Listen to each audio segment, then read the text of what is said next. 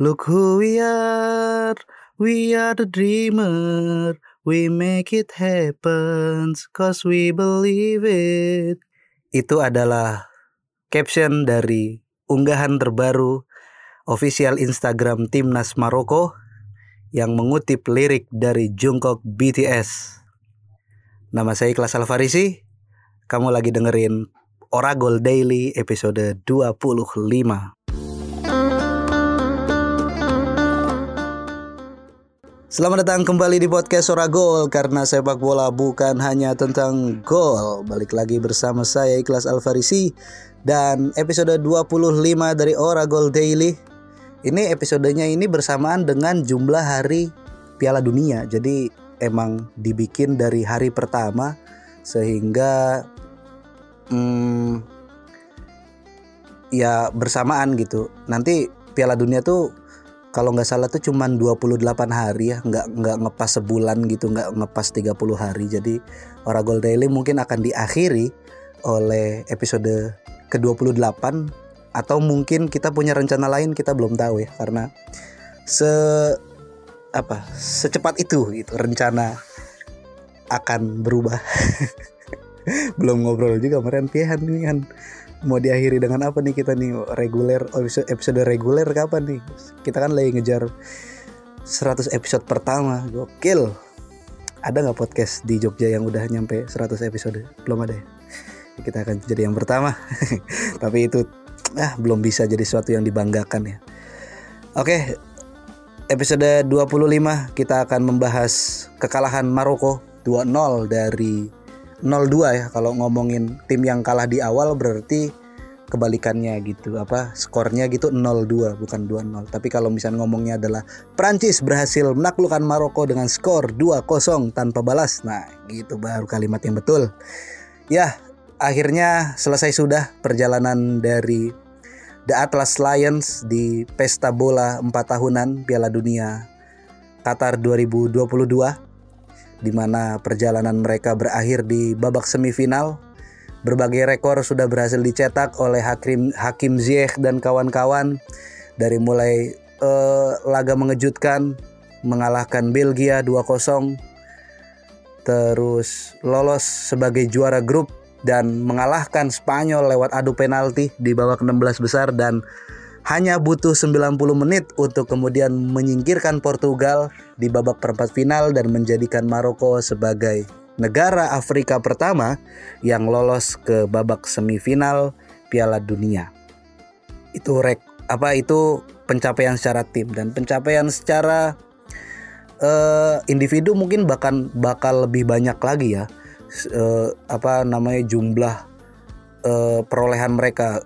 Kalau gol sih mungkin nggak banyak gitu tapi jumlah save jumlah tackle jumlah intercept jumlah ya itulah uh, who scored sama data fak eh bukan data fak ya who scored itu yang yang banyak banget uh, datanya gitu. Ada analis juga gitu.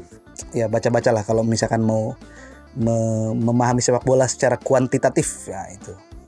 Tapi yang mau saya bahas adalah di pertandingan uh, Maroko yang kalah lawan Prancis ini adalah ternyata sependek pengetahuanku ngelihat pertandingan sepak bola ya Maroko kalah dengan Prancis dari segi second ball. Jadi berkali-kali ya.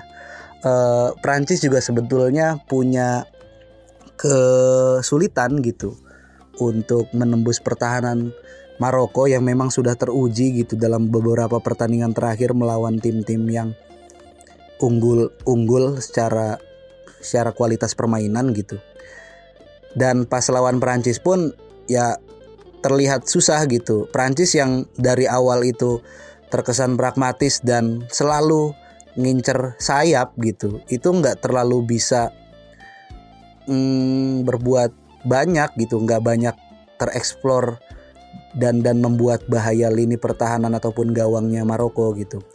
Ya tapi kemudian Maroko karena mungkin gumun ya aku aku nggak tahu lah itu tensinya dari awal udah tinggi eh, sangat gegap gempita jadi Maroko kayak mainnya tuh kayak udah langsung ngegas di awal udah langsung ini di awal gitu.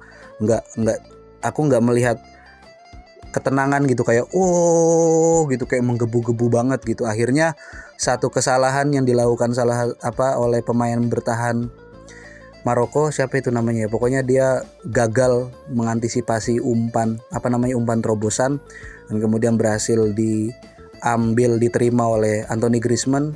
Kemudian Anthony Griezmann berusaha mengumpan itu ke tengah ya cutback ke apa namanya ke Kylian Mbappe. Kylian Mbappe juga gagal menyontek itu jadi gol tapi kemudian bola memantul. Nah di sini kemudian poinnya adalah ya beberapa kali gitu Prancis berhasil memanfaatkan second ball gitu yang yang ada dari eh, apa namanya Pak perjibakuan. Salah dong bukan itu kalimatnya. Apa yang bener ya? Pertempuran juga salah. Pokoknya duel antar antar kedua tim itu menghasilkan bola itu memantul gitu ya. Itu yang kemudian yang aku pahami sebagai second ball dan bola pantulan itu kemudian banyak berhasil dimanfaatkan oleh Prancis daripada uh, si inian si Maroko gitu. Jadi beberapa kali gitu. Gol pertama itu pantulan dan kemudian pantulan itu berhasil dimaksimalkan oleh Theo Hernandez yang berdiri cukup bebas dan dengan gol akrobatiknya ya. Banyak meme dan juga postingan-postingan katanya Theo Hernandez bikin gol kayak gitu udah belajar dari suhunya Zlatan Ibrahimovic di AC Milan tapi nggak tahu juga ya. Karena situasinya emang enak buat di salto gitu. Buat seorang pemain profesional mah kan udah bisa lah ya salto salto mah ya. Atau ada yang emang nggak bisa gitu. Ya ya itu bola enak banget buat di salto gitu. Terus apa namanya ketinggalan satu gol Maroko berusaha keluar bermain tapi ya sama gitu. Nggak bisa apa namanya nggak apa namanya terlihat nggak ada opsi selain menyerang lewat uh, lewat sayap ya gitu. Ya walaupun beberapa kali ada ada percobaan tendangan di luar kotak penalti ya kayak placingnya nomor 8 tuh. Terus aku nggak tahu kayaknya harus banget di di apa namanya dilebarin ke pinggir gitu ke Sofiane Boval ke, di sebelah kanan ataupun di Hakim Ziyech gitu sebelah kiri gitu kan bekerja sama dengan sama Ashraf Hakimi gitu dan sepanjang pertandingan ya gitu-gitu aja gitu. Ke apa namanya ke pinggir lagi ke pinggir lagi.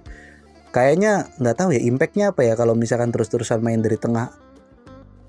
Kena counter apa gimana gitu? Oh aku nggak paham lah. Gitu. Tapi Gol kedua juga tuh, gol kedua juga apa namanya buah dari kemelut gitu dan second ball itu nggak berhasil dimanfaat apa namanya berhasil dimanfaatkan oleh Prancis ya. Ada satu pemain yang menggantikan posisinya Osmane Dembele, uh, Colomoni itu adalah pertandingan pertamanya dan first touch sentuhan pertama dari pemain yang baru main di Piala Dunia uh, pemain Prancis yang baru main di Piala Dunia itu justru berbuah gol seperti itu. Prancis memang cukup punya kualitas untuk memenangkan pertandingan dan menurutku ya layak menang dan final nanti antara Prancis dan Argentina dari sudut pandang sepak bola pure ya. Kita ngomongin sepak bola uh, sepak bola kan ekspektasinya soal keindahan permainan persaingan yang tinggi gitu persaingan ketat dan lain sebagainya gitu ya. Final Argentina versus uh, Prancis adalah final yang ideal gitu karena kalau misalkan Maroko yang menang uh, mungkin akan menjadi sebuah, sebuah keajaiban lagi gitu. Dan wah gegap gembita itu bakal uh, kembali ya semakin semakin tinggi gitu kan uh, atmosfernya gitu. Uh, dan tapi nanti pas lawan Argentina ya kayaknya jomplang gitu.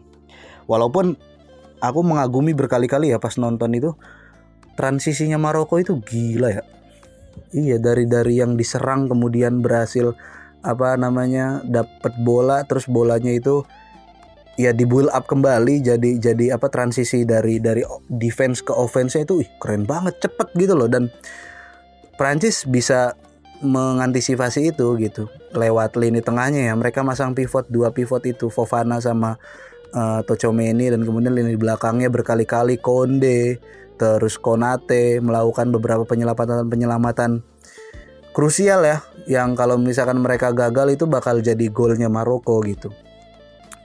Ya jadi pertandingan yang tidak mengecewakan gitu walaupun David versus Goliat ya.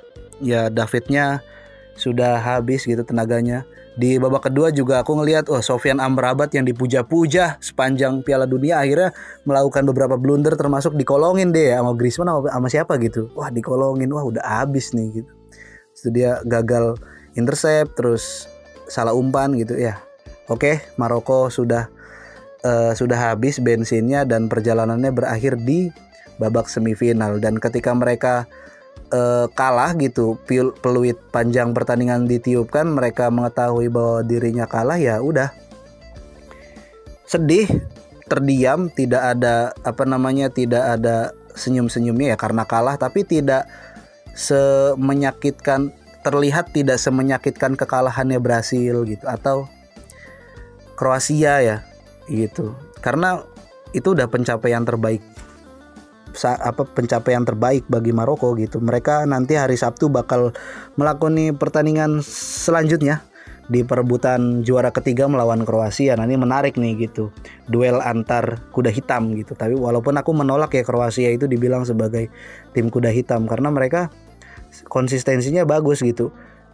Ukuran kuda hitam tuh kayak gimana gitu? Apakah kuda hitam itu adalah tim yang secara di, atas kertas itu uh, jelek gitu ini asumsi kuatku adalah uh, mungkin teman-teman yang menganggap ya melebeli tim kuda hitam gitu-gitu mungkin melihat bahwa ya berekspektasi bahwa tim itu tim yang unggulan itu harus menyerang gitu. Sementara kalau misalkan kamu punya tim yang nom apa namanya dom komposisi pemainnya itu dominan pemain dengan kualitas pertahanan yang bagus gitu kualitas bertahan yang bagus ya taktiknya pakai cara bertahan lah gitu. Kalau misalkan kamu punya uh, pemain dengan kualitas penyerangan yang bagus ya taktiknya pakai menyerang. Kan kita sepak bola kan ngomongin soal tim yang mampu memaksimalkan uh, kemampu apa ke, ya memaksimalkan kemampuannya gitu di di atas di atas lapangan selama 90 menit gitu. Kamu bisanya apa gitu? Saya lebih dominan bertahan gitu. Terus ternyata ada 5, 6 gitu, 7 bahkan gitu pemain yang punya kualitas ber, apa bertahannya lebih baik daripada menyerangnya. Ya udah maksimalkan bertahan atau yes, pakai atu dong. Eh ini pada pinter menyerang nih gitu. Oh ya udah kita main menyerang gitu. Itu pragmatis ya. Eh, iyalah gitu. Kecuali kamu udah punya udah punya nilai-nilai tertentu dalam kultur sepak bolamu ya itu nggak nggak bisa diinin Iya, ya, ya karena ya nanti kalau misalkan di, di dilihat dari sudut pandang tradisi gitu sepak bola sebagai sebuah tradisi nanti ada ada apa namanya ada anggapan-anggapan bahwa satu tim itu telah me, telah lepas dari tradisi lamanya gitu kayak Roberto Carlos yang meng, me, mengkritik timnas Brasil ya katanya oh timnas Brasil udah nggak juga Bonito gitu. Gimana mau jogo Bonito mau enggak kan? Yang penting kan menang. Gitu entahlah gitu dan terakhir eh, anggapan bitter guys dari saya adalah keberadaan Maroko membuat Piala Dunia di Qatar itu tidak ya IO penyelenggara Piala Dunia di Qatar itu tidak rugi-rugi amat lah karena punya hype yang cukup tinggi gitu. karena menurutku keren ya gitu. Selama ini kan sepak bola kan punya brand universal bukan bukan brand universal.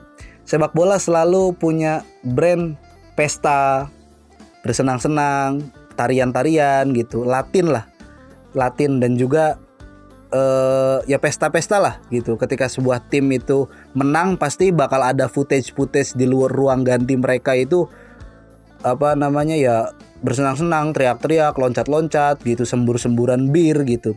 Nah kali ini tuh sepak bola kemudian jadi apa namanya punya narasi sebagai sebuah perjuangan gitu. Yang kemudian ketika apa pun hasil yang kamu dapatkan itu wajib disyukuri gitu. Dengan merayakannya dengan apa dan merayakannya dengan cara-cara yang sangat religius gitu. Ya ya berbakti pada orang tua gitu. Eh berbakti pada orang tua tuh religius bukan? Enggak ya emang. Ya orang yang nggak beragama juga wajib ya berbakti sama orang tua bagaimana sih? Ya itulah pokoknya ada ini. Jadi ya ya menarik aja gitu menarik aja. Menarik bahwa IO Qatar sudah berhasil punya keuntungan gitu. Karena aku sepanjang nulis artikel-artikel soal Piala Dunia kan dituntutnya suruh nyari angle yang unik dan menarik ya sisi lain gitu. Uh, editorku yang nggak usah kamu bikin artikel soal hasil pertandingan cari sisi lain yang unik gitu. Sisi lain yang unik tuh ya berkutat pada ya tingkah supporter gitu. Apalagi gaya selebrasi gitu. Dan itu bukan hal yang baru gitu di dari sepak bola apa sepak bola dari dulu udah udah banyak tingkah-tingkah kayak gitu gitu momen-momen kayak gitu. Coba cuman sekarang gitu ya ada momen baru gitu ketika lewat Maroko sebagai aktor utamanya ketika mereka menang gitu di dari babak grup 16 besar terus uh, perempat final ya mereka punya cara sendiri gitu. Uh, sangat religius gitu untuk untuk uh, jadi ya aku ngelihat di story sosmedku juga di Mama Grip gitu wah, kenapa saya mendukung tim Maghrib karena hmm, apa negara muslim. Eh bagus lah iya mantap kalau nggak kalau nggak muslim nggak didukung ya. Oke lah makasih ya udah dengerin. Ini tidak ada konklusinya tapi saya hanya ingin apa kan kalau kalau kalau bikin podcast kalau nulis itu kan proses daur ulang ya artinya kita harus punya bensin dulu harus ada sesuatu yang diserap. Nah podcast ini tuh cuma nyerap 90 menit pertandingan Perancis versus Maroko dengan layah leye. Jadi yang keluar ya cuman gini. Makasih yang udah dengerin. Uh, silakan follow Instagram kami di @podcastoragol dan Famos Famos Argentina. Bye bye